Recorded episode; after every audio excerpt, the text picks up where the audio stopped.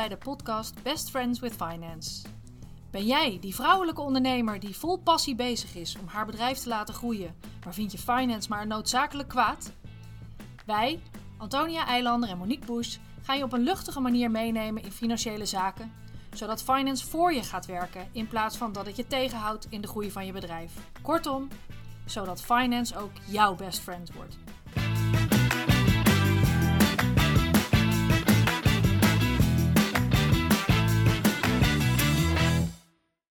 Hoi, welkom bij weer een nieuwe aflevering van de Best Friends with Finance podcast. Monique en ik zitten nog altijd naast elkaar. Ja. Zoals we dat het liefste doen eh, terwijl we jullie podcast opnemen. En vandaag is het weer de beurt aan Monique om een onderwerp uit te kiezen. Ja, Dus- inderdaad. Ehm, ik lees altijd de krant als ik podcast ga voorbereiden. En dan, of ik zit heel erg te kijken naar de LinkedIn-post eh, die ik geplaatst heb in de afgelopen weken. En we gaan het vandaag over de WOA hebben. En dat is de Wet Homologatie Onderhandsakkoord. Nou, ongelooflijk moeilijke term. Maar ik zie in de krant steeds vaker dat de WOA-procedure opgestart wordt. Dus ik dacht, laten we daar eens even wat dieper op ingaan. Want het kan zomaar zijn dat je of als ondernemer zegt van nou, ik ga zelf die procedure opstarten. Of dat je een schuldeiser bent en opeens geconfronteerd wordt dat jouw klant in de WOA-procedure zit. Nou, dan is het goed als je daar al eens een keer van gehoord hebt. En dat je dan weet wat je moet doen. Ja, ik denk zeker een goed onderwerp, want eh, wat je zegt, je ziet het veel voorbij komen in het nieuws, op LinkedIn. De tijd is er ook een beetje naar. Hè? We zien toch een beetje de naweeën van de coronamaatregelen eh, langzaam zich uittekenen eh, in de hele markt. Hè? Dat zijn niet noodzakelijkerwijs bedrijven die nu omvallen omdat het nu ineens heel Ja. slecht gaat, maar eigenlijk ging het dan vaak, hè, jij post daar ook Ja. wel regelmatig over ging het eigenlijk voor corona ook al niet zo heel best. En die zijn dan toch, dat zijn die bekende zombiebedrijven, hè, waar dan ook wel over gesproken wordt, die dan een beetje omhoog zijn gehouden tijdens corona met die regelingen.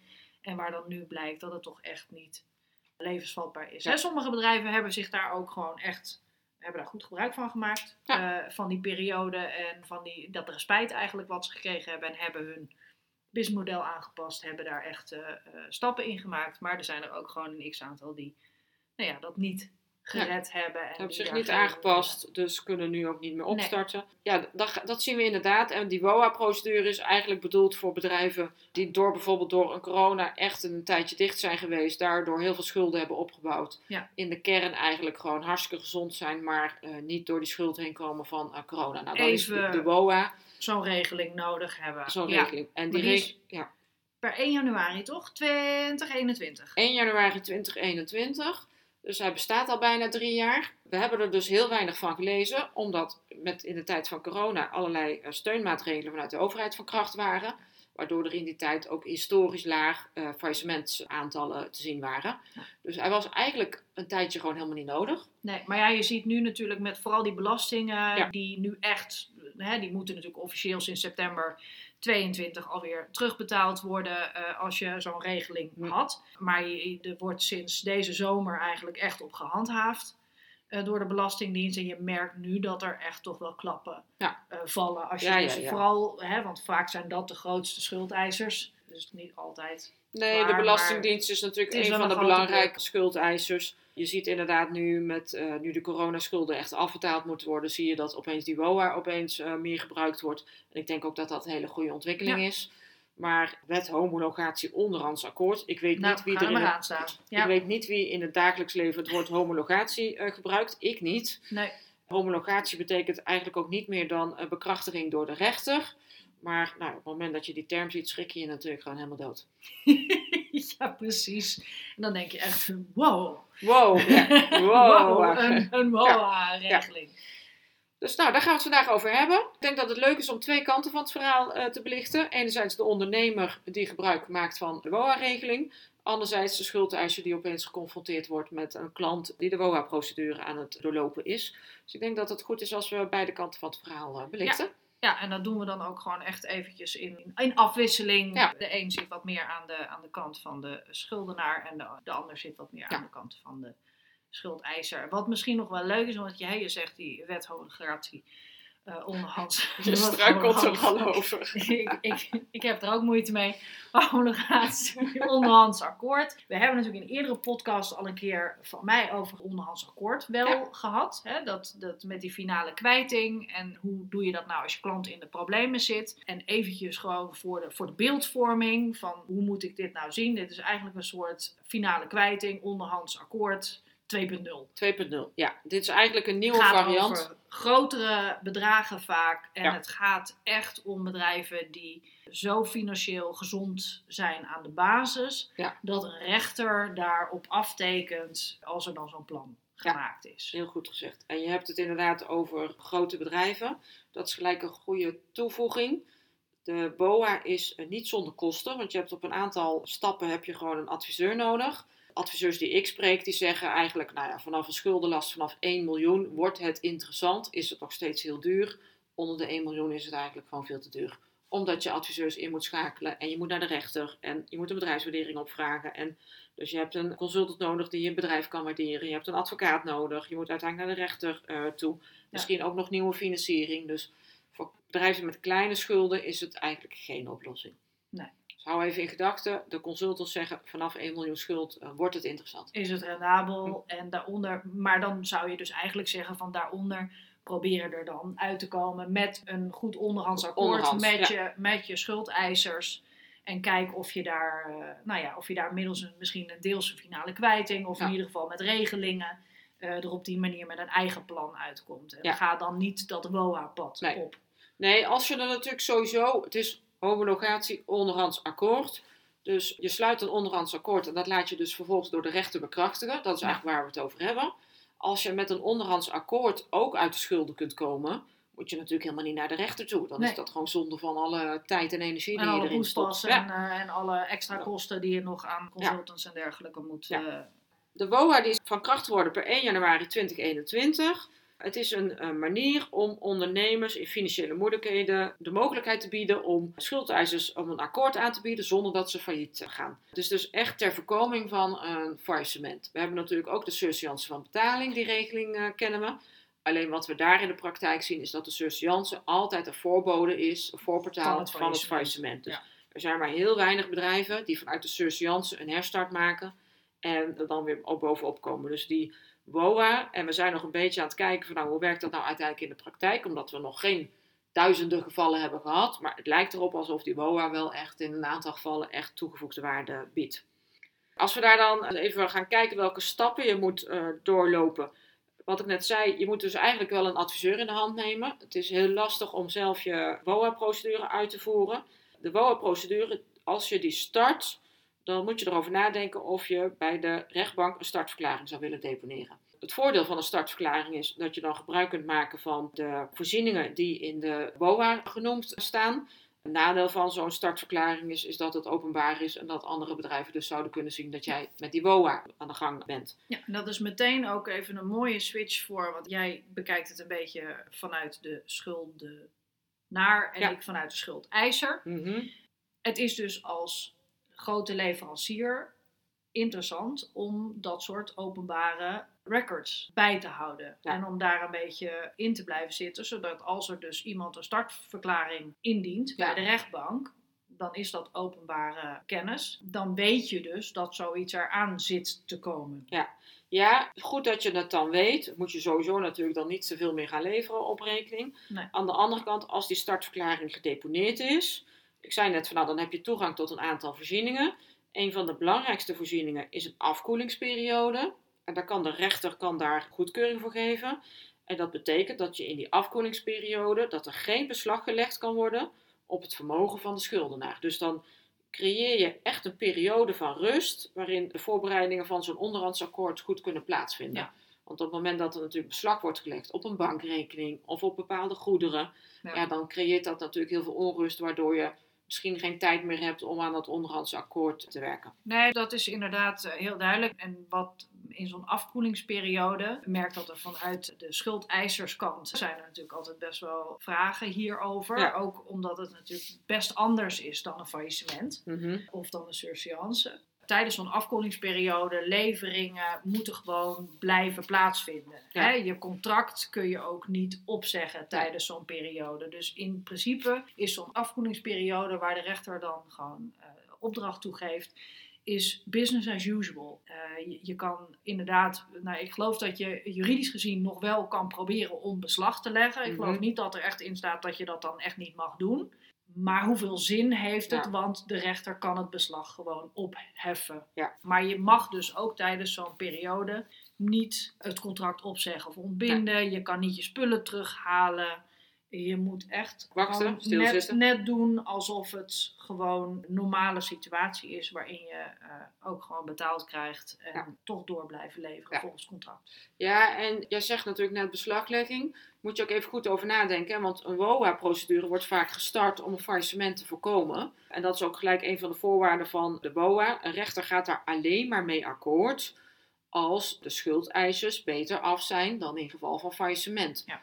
Dus op het moment dat een WOA niet goedgekeurd wordt, dan is eigenlijk de consequentie dat het bedrijf faillissement moet gaan aanvragen. Dus je moet als schuldeiser ook echt heel goed nadenken jongens, ben ik met zo'n WOA beter af. Het is natuurlijk onwijs balen dat je gewoon niet je volledige vordering eh, betaald gaat krijgen. Maar Nou ja, soms is dat ook helemaal niet zo. Hè? Ja. Soms is in zo'n BOA-regeling krijgt iedereen uiteindelijk gewoon betaald, betaald. maar misschien met Maar vertraging. misschien ja, later, dat kan. Ja. Hè? Want als het bedrijf aan de basis gewoon gezond is en zegt, ja, ja, weet je, we willen wel iedereen betalen, dan duurt het misschien wat langer, maar dan krijg je uiteindelijk wel je volledige vordering betaald. Terwijl Ja. bij een faillissement, nou ja, sta je altijd een beetje achteraan als leverancier. Ja. Dus moet je maar weer afwachten wat er dan nog komt. Dus dat is wel goed om als leverancier ook mee te nemen, als schuldeiser.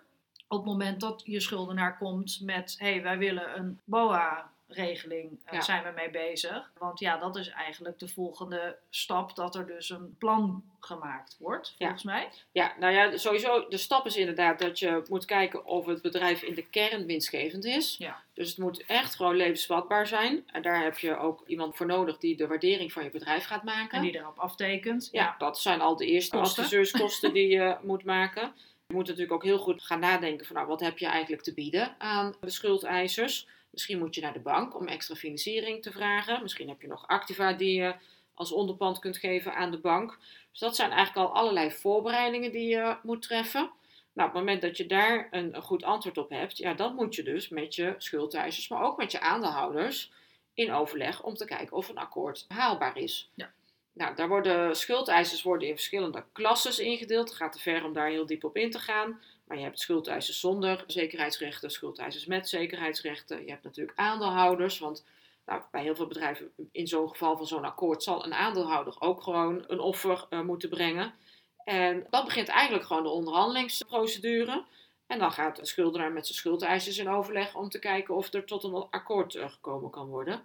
Dat hoeft niet voor alle schuldeisers te zijn. Hè. Ik heb al wel in de praktijk BOA-akkoorden gezien, waarbij het maar over een deel van de schuldeisers ging. Dus bijvoorbeeld over de regeling met de banken of over BOA-akkoord voor leveranciers die bepaalde zekerheidsrechten hebben. Dus het is zeker niet gezegd. Dat je al je nee. schuldeisers mee hoeft te nemen in die regeling. Nee. kan ook echt voor een deel zijn. Voor een deel, zeker. En ik heb inderdaad ook al gezien dat een rechter akkoord ging met een BOA die eigenlijk alleen maar betrekking had op de banken. In dat geval was er met een eh, groot deel van de banken was er al overeenstemming over een bepaalde herfinanciering. Twee banken lagen dwars. En uiteindelijk is via een BOA-regeling is eh, via de rechter akkoord gehaald voor de, om de twee andere banken te dwingen om mee te doen. mee in de te regeling. doen eh, Ja. in de regeling. Dus daar Ja. zijn allerlei variaties in mogelijk. Nou, dan moet natuurlijk een akkoord gesloten worden. Dat akkoord, daar zijn best wel heel veel eisen aangesteld in eh, de WOA-regeling. Het gaat over de manier waarop het akkoord wordt voorgelegd, de manier waarop het akkoord, welke informatie daarin verstrekt moet worden. Uiteindelijk moet het natuurlijk ook gewoon een redelijk akkoord zijn. Ja. Het kan niet zo zijn dat van schuldeisers gevraagd wordt dat ze akkoord gaan met iets onredelijks. Maar hou daarbij in gedachten, het alternatief is faillissement. Dus waar ben je beter mee af? Ben je beter mee af met bij wijze van 30% van je vordering?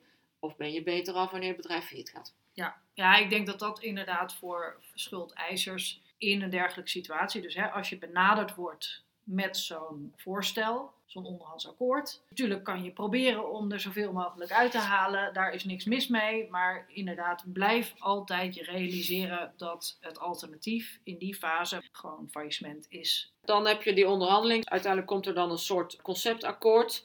wat aan de schuldeisers en aan de aandeelhouders wordt voorgelegd. En vervolgens hebben zij weer een redelijke termijn om eh, erover na te denken of zij met dit akkoord zouden kunnen instemmen. Je kunt twee soorten akkoorden aanbieden. Je kunt een besloten akkoord of een openbaar akkoord aanbieden. Nou, besloten, dat is wat, eigenlijk wat het al zegt, achter gesloten deuren. Niet openbaar en een openbaar uh, procedure wordt gewoon bij de Kamer van Koophandel ingeschreven. Beide voor- en nadelen en ook daar is het eigenlijk wel weer gewoon met je adviseur belangrijk om te kijken waar je de voorkeur aan geeft.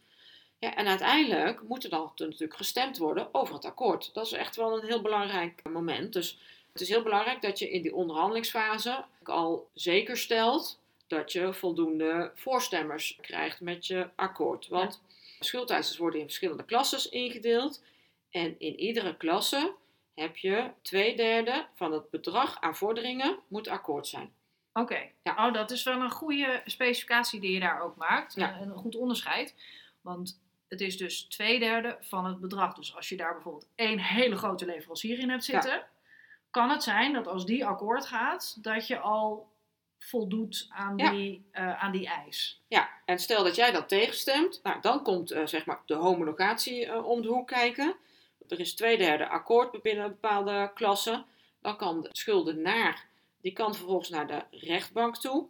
En die kan dan vragen om het akkoord te homologeren. Ja, en nou. dat wil dan eigenlijk vooral zeggen dat er op dat moment door de rechter afgedwongen wordt dat iedereen akkoord gaat met ja. het plan. Ja, en de rechter gaat dan toetsen of de procedure goed gevolgd is. Dus dat is eigenlijk een andere reden dat je met een adviseur aan de slag moet. Want die weet natuurlijk precies welke voorwaarden in die procedure beschreven worden. Dus het is heel belangrijk dat je netjes het proces volgt. En vervolgens gaat de rechter ook toetsen nou, is dit redelijk? Kun je van schuldeisers verwachten dat ze instemmen met dit akkoord? Op het moment dat je dan bij de rechtbank bent voor die homologatie, nou, dan kunnen schuldeisers ook bezwaar maken. Dus als je het gewoon echt niet mee eens bent en ook al in het voortraject geen akkoord hebt gegeven, dan mag je bij de rechter ook vertellen waarom je het er niet mee eens bent. Oké. Dus dat is ook nog een recht wat er is, of een, in elk geval mogelijkheid voor schuldeisers om toch nog dat bezwaar extra kenbaar te maken. Ja, er zijn natuurlijk een aantal afwijzingsgronden waar de rechter naar kijkt. Nou, dat kan inderdaad zijn of de procedure wel of niet goed gevolgd is. Misschien vind jij wel dat jij uh, geen redelijke termijn hebt gehad om over het akkoord na te denken. Misschien vind jij wel dat je te weinig informatie hebt gehad om over dat akkoord na te denken.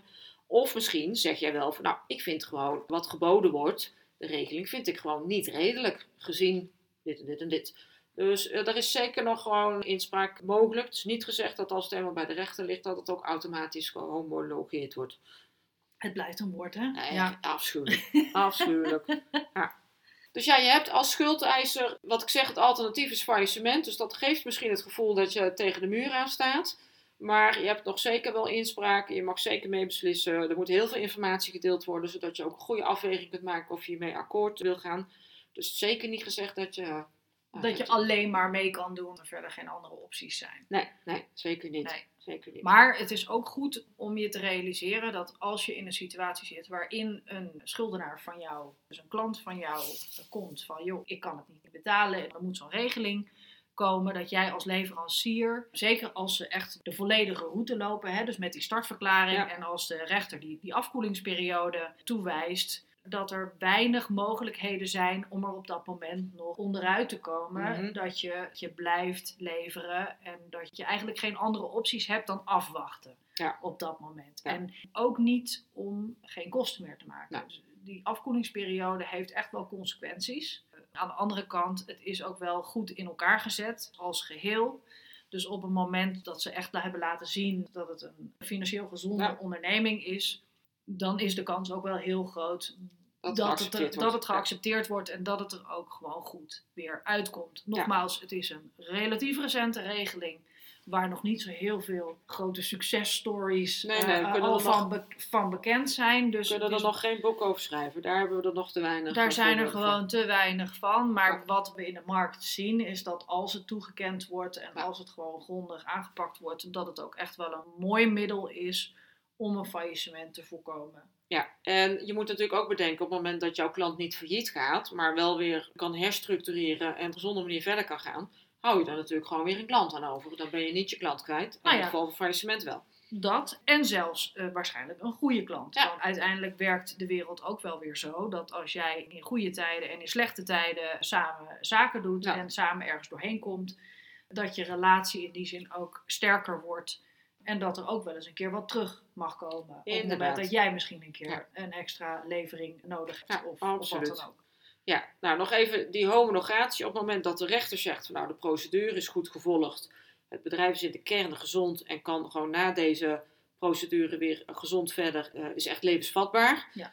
Dan kan de rechter overgaan tot homologatie. En dat betekent, dat is dan goedkeuren, dat betekent dat alle schuldeisers die bij het akkoord betrokken zijn, dus ook de tegenstemmers, die Ja. zijn gebonden aan het akkoord.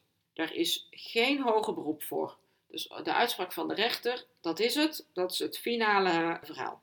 Maar vervolgens moet natuurlijk het eh, akkoord uitgevoerd worden. Nou, dan is het wel weer heel bijzonder. Het is heel belangrijk dat je als schuldenaar dat akkoord precies uitvoert zoals je dat in de procedure beschreven hebt.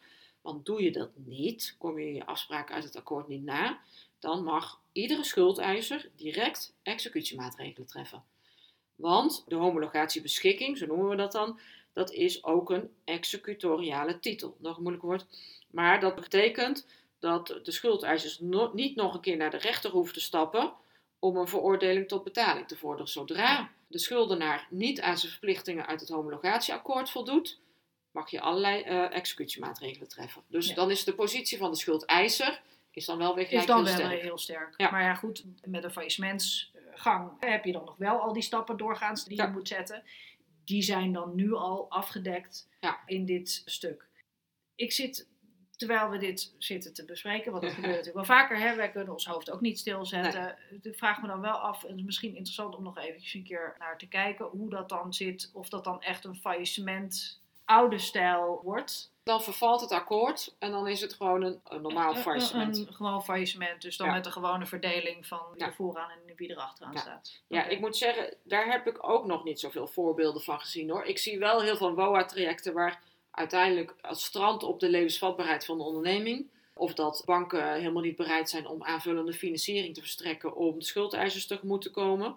Dus ik zie eigenlijk veel vaker dat het in het voortraject als strand, Ja, dat je niet eens toekomt aan, dat je geen eens bij de rechter aan, komt. de, aan de uitvoering, Ja. eh, maar oh, laatst, of, of soms zelfs aan de goedkeuring ervan. Ja. Ja. Ik heb er nog niet heel veel meegemaakt dat het homologatieakkoord toegewezen was en dat het dan vervolgens daarna nog niet lukte. Nee. Daar is het eigenlijk allemaal nog een beetje Daar is te, nog toch een beetje te nieuw voor, hè? Ja. Ja. Ja. Ja. We zien het steeds meer. Ik lees het echt heel vaak in de krant. Dus de kans bestaat echt wel dat je daar vandaag of morgen een keer tegenaan loopt. Of omdat je zelf, vooral met corona, niet uit de schulden komt. Of omdat een van jouw klanten in dat traject terechtkomt. Ja, en ik denk dat het dan hierbij echt een hele mooie podcast geworden is. Heel informatief over iets wat toch best recent is. Je, hebt ons een paar keer horen zeggen dat sommige dingen ook echt nog een beetje unknown zijn. Ja. Hè, hoe het allemaal eh, uitpakt. Maar ik denk zeker heel informatief. Dus echt top onderwerp, Monique, eh, wat je hebt uitgezocht eh, voor iedereen. Want je ziet het vaak voorbij komen. En hopelijk weten jullie nu allemaal net iets meer in de diepte Ja. waar het dan om gaat. En hoe het dan een beetje in elkaar steekt. Ja. En wat je rechten en je plichten zijn. En dat je er niet van schrikt, denkt van, oh mijn hemel, waar moet ik gaan beginnen? Ja, absoluut. Dankjewel voor het luisteren. En tot de volgende keer. Tot de volgende keer!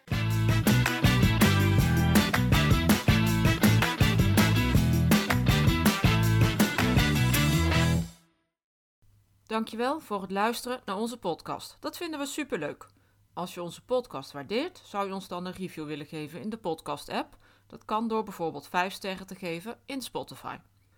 Daar zijn we blij mee en zo wordt onze podcast beter vindbaar voor andere vrouwen. En vind je het leuk om contact met ons op te nemen? Dat kan dan via LinkedIn. Tot de volgende keer.